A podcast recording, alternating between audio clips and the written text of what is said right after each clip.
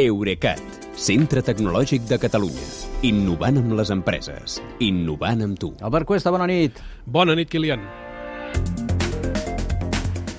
Aquests dies els gegants digitals estan donant, notificant els seus resultats trimestrals i a totes els va bé el negoci. Però t'has fixat en una xifra preocupant d'una de les empreses que segueixes de més a prop sembla que els tens posats entre cella i cella una mica, eh? que és Facebook, que ara es diu Meta, eh? Sí, sí, ja, quan dic preocupant, és preocupant per, Per ells, ells. diguéssim, no?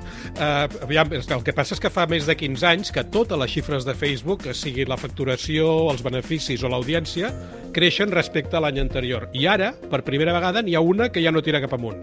A l'últim trimestre de 2021, la xarxa social va perdre usuaris. 1.900, 1.929 milions d'internautes s'hi van connectar cada dia davant els 1.930 milions del trimestre anterior. Aquesta caiguda potser sembla irrellevant... Un milió, no? Sí, un milió d'usuaris davant de 1.900, déu nhi però no, tampoc no sembla gran cosa, però el que fa és confirmar una tendència a l'estancament, a un estancament de l'ús que ja passava als Estats Units i Europa, però que estava emmascarat pel, pel creixement que hi havia als altres continents. Però sembla que ara, fins i tot l'audiència d'allà, també està marxant a altres plataformes, i el, amb TikTok en posició destacada.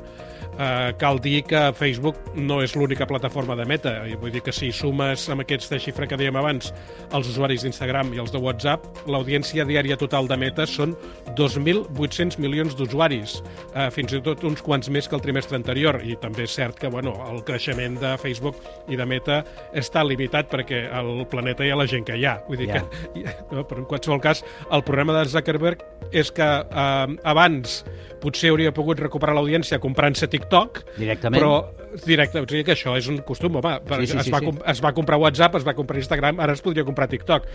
Però el que passa és que ara les autoritats automonopoli el vigilen tan de prop que no hi pot ni pensar, no s'ho pot ni plantejar.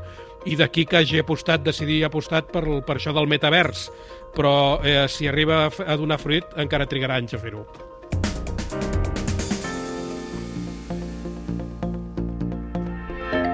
A veure, anem a la cosa de la butxaca. Tot i l'estancament de l'audiència, tampoc no és que Mark Zuckerberg hagi perdut diners, no?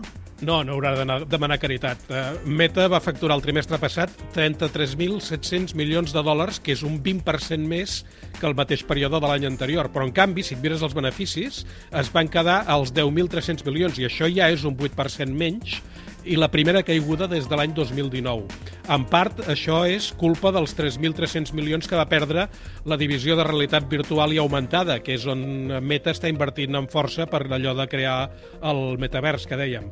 Un detall interessant d'aquestes xifres és que Meta reconeix fins a quin punt l'ha perjudicat la nova política de privadesa d'Apple als, als iPhones, que ja n'hem parlat alguna vegada, i aquesta política li fa més difícil rastrejar els usuaris per mostrar-los publicitat personalitzada. En Zuckerberg diu que per culpa d'això, només per això d'Apple, aquest any deixaran d'ingressar 10.000 milions de dòlars. Uh, amb tot plegat, uh, els inversors estan amoïnats i el preu de les accions de Meta a la borsa va caure un 20% tan aviat es van fer públiques les xifres i amb això es va rebaixar 200.000 milions de dòlars el valor de l'empresa. Uh, suposo que potser li va servir de consol que també va caure la cotització de Twitter, Snap i de Pinterest. Clar, les penes acompanyat, diguem que ho són menys. Diríem que sí. Bona companyia i gràcies. Bona nit, Kilian. Fins demà. Eurecat, centre tecnològic de Catalunya. Innovant amb les empreses. Innovant amb tu.